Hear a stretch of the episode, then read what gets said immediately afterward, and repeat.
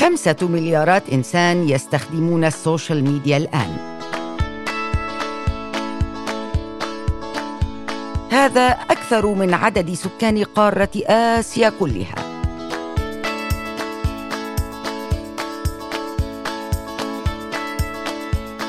عدد مستخدمي ال social media أكبر بثمان مرات من عدد سكان قارة أوروبا.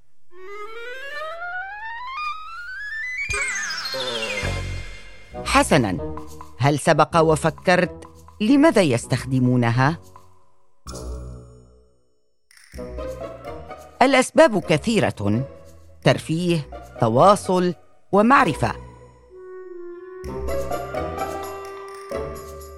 لكن الأمر بالنسبة للبعض منهم مختلف.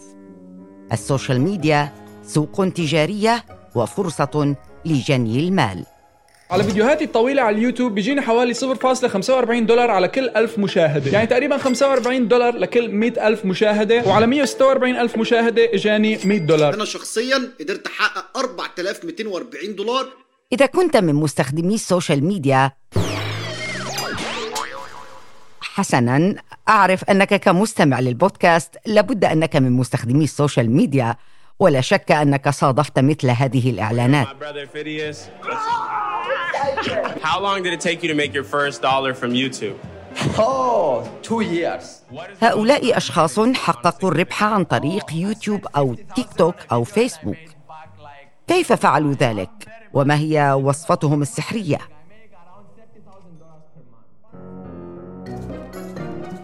في هذا البودكاست ظاهرة تحول منصات السوشيال ميديا إلى مواقع للأعمال وجني المال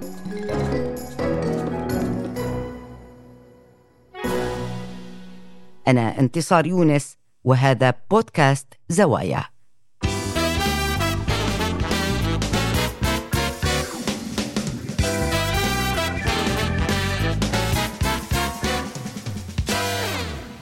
مع بداية الألفية ظهر عالم جديد نتلمس فيه طريقنا ونتعلم.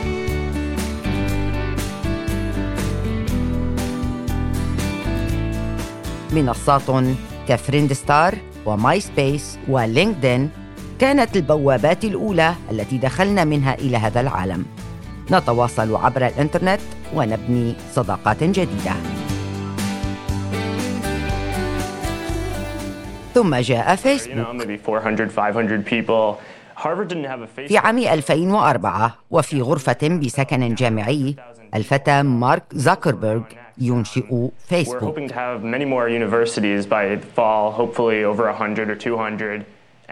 بعد فيسبوك كرت السبحة وأطلقت منصات يوتيوب واتساب إنستغرام تيك توك كلوب هاوس وسناب شات والحبل على الجرار.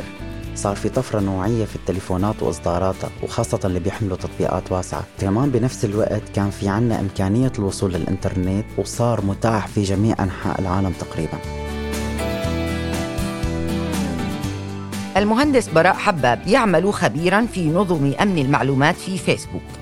وفيسبوك وأخواتها من المنصات أدخلتنا في عصر الفايرل حسنا اللغة العربية لا تستخدم تعبيرات كهذه. هل أقول مثلا انتشرت كالنار في الهشيم؟ لم يسبق أن التقى نصف ستون بالمئة إذا كنت تريد النسبة الدقيقة عزيزي المستمع. لم يسبق أن التقوا على شيء قبل السوشيال ميديا. نتحدث هنا عن خمسة مليارات شخص. شبكة فيسبوك وبلغ عدد مستخدميها الإحصائيات 2022 ما يقارب المليارين و900 مليون شخص ويليها منصة اليوتيوب للفيديوهات فيها ما يقارب المليارين و500 مليون شخص. تيجي بقى منصات ميتا اللي هي واتساب فيها مليارين و200 مليون شخص وإنستغرام اللي هو مليار و300 مليون شخص. آخر منصة طلعت واللي هلأ صاعدة بشكل هائل واللي هي التيك توك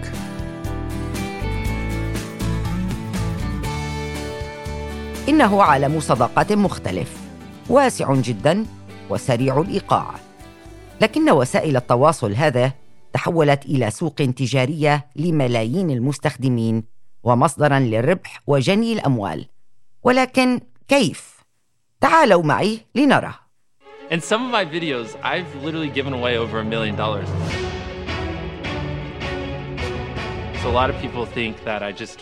مستر بيست. من أشهر ال YouTubers في العالم لديه 130 مليون متابع قناته على يوتيوب حققت له دخلا بقيمة 110 ملايين دولار عام 2022 فكيف تمكن من تحقيق هذا الربح؟ وكيف لفيديو قصير يعرضه أن يعود عليه بالنقود؟ دائما بنشوف نحن حملة اسمها advertiser معلنين مثلا شركات عالمية حابة تعمل تروج لمنتجاتها ال product تبعها. دائما بيروحوا على الناس اللي عندها متابعين واللي عندها زيارات بالمليارات والناس اللي قاعدة عندهم بقلب المنصة. هذا الرقم جدا مهم عامل مهم لحتى يصير في إعلان للتطبيق تبعهم على منصة سوشيال ميديا وخلينا نحكيها بالشكل العملي. مثلا شركة سيارات حبت تعمل إعلان بفيسبوك ففيسبوك بيطلب مبلغ هائل على هذا الإعلان بسبب عنده 2.900 مليار مليون مستخدم بقلب المنصة نشط بحيث الإعلان لو تم على منصة فيسبوك تقريبا حيوصل لنص هالمبلغ أو نص هالمتابعين وهذا الشيء جدا مهم للشركة اللي عم تعمل إعلان حتى يجي الناس تشتري منها وهذا السبب إن المنصات السوشيال ميديا وأصحابينا بيعملوا بونص لخلي لصانع المحتوى يستفيد من المنصة وبنفس الوقت يفيد المنصة بالإعلانات.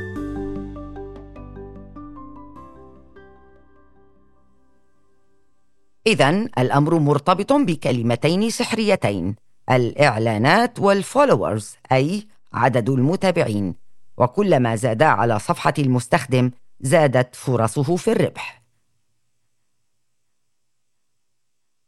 لكن كم شخصا يا ترى يجنون أرباحا هائلة مثل مستر بيست؟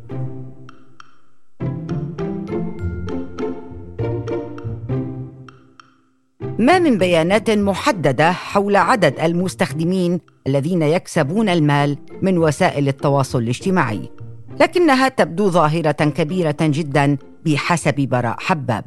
ورح أعطيكي أكبر مثال على فيسبوك. إذا كنا نحن 2 مليار و900 مليون بني آدم لا يقل عن 300 ل 400 مليون بني آدم بيقدروا يستخدموا السوشيال ميديا مع تحقيق الدخل.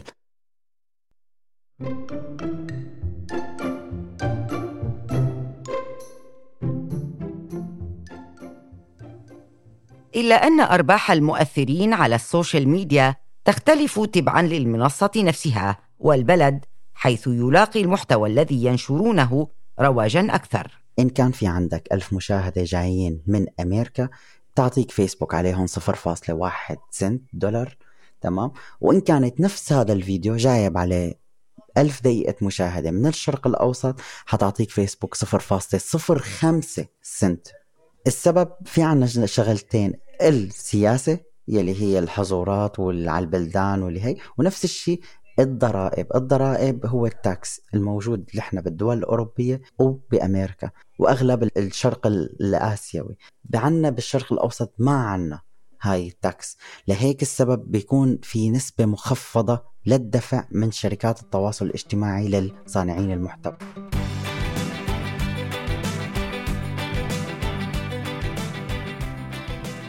وطبعا الدور الأكبر في تحديد مقدار الأرباح المادية للمؤثرين على السوشيال ميديا يعود إلى القوانين الخاصة بكل منصة على حدة. فما هي المنصات التي تدر عليهم اموالا أكثر؟ رقم واحد بالعالم هو اليوتيوب وبيحاسب على الألف مشاهدة من بداية الفيديو بحيث إجا المستخدم كبس على الفيديو وما شاهد غير أول ثانية فبيحسب له إياه إنه شاهده. تاني أكثر منصة شعبية بالعالم واللي هي فيسبوك صناع المحتوى اللي تحط فيديو على الفيسبوك آه، فيسبوك بيحاسبه على أول دقيقة مشاهدة بحيث إذا كان المستخدم دخل على الفيديو لمدة 3 ثواني فيسبوك ما بيحاسبك. لو فات 59 ثانية وما دخل الدقيقة فيسبوك ما بيحاسبك. وآخر منصة هي حاليا واللي حتنافس فيسبوك واليوتيوب اللي هي التيك توك التيك توك بيحاسبك فقط من الداعمين لحضرتك. في العموم إمكانية الربح عبر منصات التواصل متاحة لأي شخص يبلغ من العمر 18 عاماً ويملك حساباً مصرفياً. ولكن النجاح في تحقيق الربح رهن بتحقيق شروط تختلف باختلاف قوانين المنصة. فمثلا من نجحت صفحاتهم على موقع فيسبوك وجنوا ربحا ماديا تمكنوا من ذلك بعد تحقيق ثلاثة شروط. والشروط التحقيق الجديدة للربح على فيسبوك. واحد يكون عندك فقط 5000 متابع ويكون عندك فقط 60 ألف دقيقة مشاهدة خلال 60 يوم ويكون عندك خمس فيديوهات منشورة. ما في مدة زمنية ايمت انتشرت أما المؤثرون على منصة اليوتيوب وهي الأكثر شعبية لتحقيق الربح فشروطها أقل صعوبة. شروطها هي جدا سهلة للمستخدم يعني هي يلي هن فقط يكون عندك قناة على يوتيوب يكون عندك ألف مشترك فقط ويكون عندك أربعة آلاف ساعة مشاهدة. مؤخرا ظهر تيك توك منافسا جادا لكل من فيسبوك ويوتيوب في مجال توفير فرص الربح للمستخدمين. وتقدم المنصة عدة طرق للربح ومنها الدفع مقابل المحتوى للمستخدم الذي لديه عشرة آلاف متابع ومئة ألف مشاهدة فيديو في آخر ثلاثين يوما. وفي تيك توك يمكن كسب المال أيضا من خلال التعاون مع العلامات التجارية والترويج لمنتجاتها أو خدماتها على حسابك.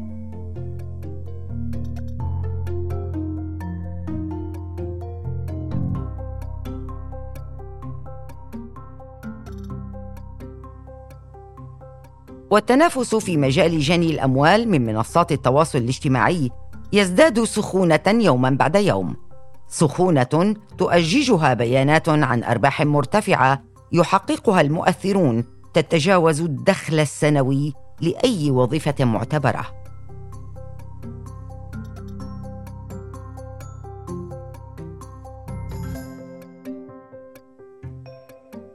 موقع زيب ريكروتر وهي شركة معنية بشؤون تأمين الوظائف قالت في بيانات حديثة لعام 2023 إن متوسط الدخل للمؤثرين في السوشيال ميديا يصل إلى 60 ألف دولار في السنة.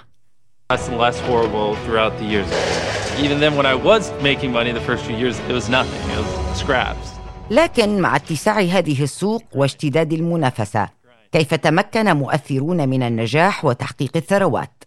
الاستمرارية. والاستمرارية يعني أنا إذا فشلت من أول مرة مو يعني أنا بترك بستسلم وبمشي. مستر بيت بلش ما كان يعني نزل فيديوهات ما كان ولا شخص يشوفه. يعني لفوق وصل تقريبا 30 فيديو وعنده المشاهدات لا يقل عن خمسة ستة وأغلبهم كانوا رفقاته. وفجأة نزل فيديو محتوى حبوا الناس الناس بلشت تتابع نزل فيديو تاني ثالث وبسم الله ما شاء الله صار وتصور 130 مليون متابع على قناته اليوتيوب. بنفس الوقت لازم نشوف الجمهور اللي بتابعنا شو هو حابب يشوف من صانع المحتوى. وطريقة صانع المحتوى بإلقاء المعلومة للمتابع لازم تكون بشكل سلس وسهل وبشكل بسيط جدا.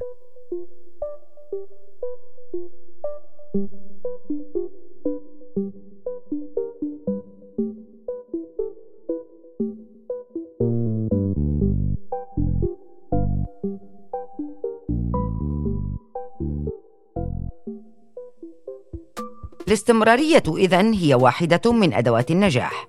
والسؤال كيف تمكن المؤثرون الناجحون من الحفاظ على نجاحهم والبقاء في القمة؟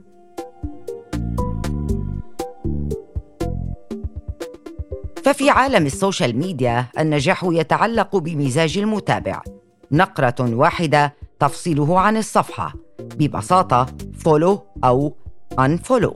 ولذلك فمراقبة مزاج المتابعين أداة أخرى من أدوات النجاح بحسب المهندس براء حباب. المخاطر التي تهدد نجاحاتهم كثيرة هي أيضا وأهمها خرق سياسة المنصة. لا تنشر شيء بحض على كراهية على عنف لا شيء يأثر على العرق والدين والمستخدمين. فهدول نحن بنقول سياسة المجتمع. إذا أنت ما اتبعتها ففيسبوك بيوقف لك ربحك من على هي الصفحة وبيقول لهي الصفحة أنك أنت لا تخضعي لسياسة المجتمع.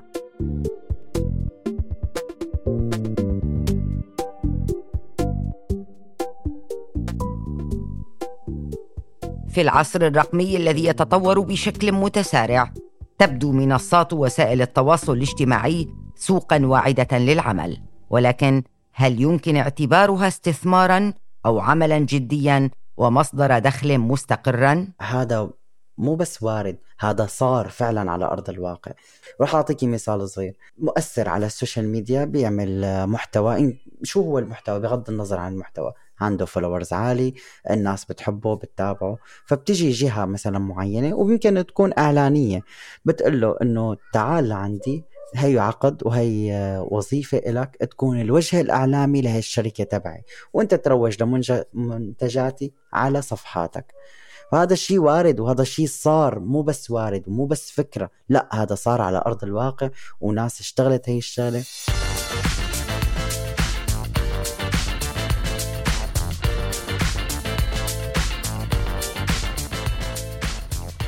وسائل التواصل الاجتماعي كمصدر رزق مادي هائل. فكرة لم تكن في بال أحد في الماضي. الآن وقد اتسعت هذه الظاهرة. من يدري بأي اتجاه سيتطور نوع العمل هذا؟ وهل يرقى إلى أن يصبح يوما واحدا من الأعمال المستقرة والثابتة كالعمل في الشركات وأن يمنح حقوقا للمؤثرين كتلك التي يتمتع بها الموظف التقليدي؟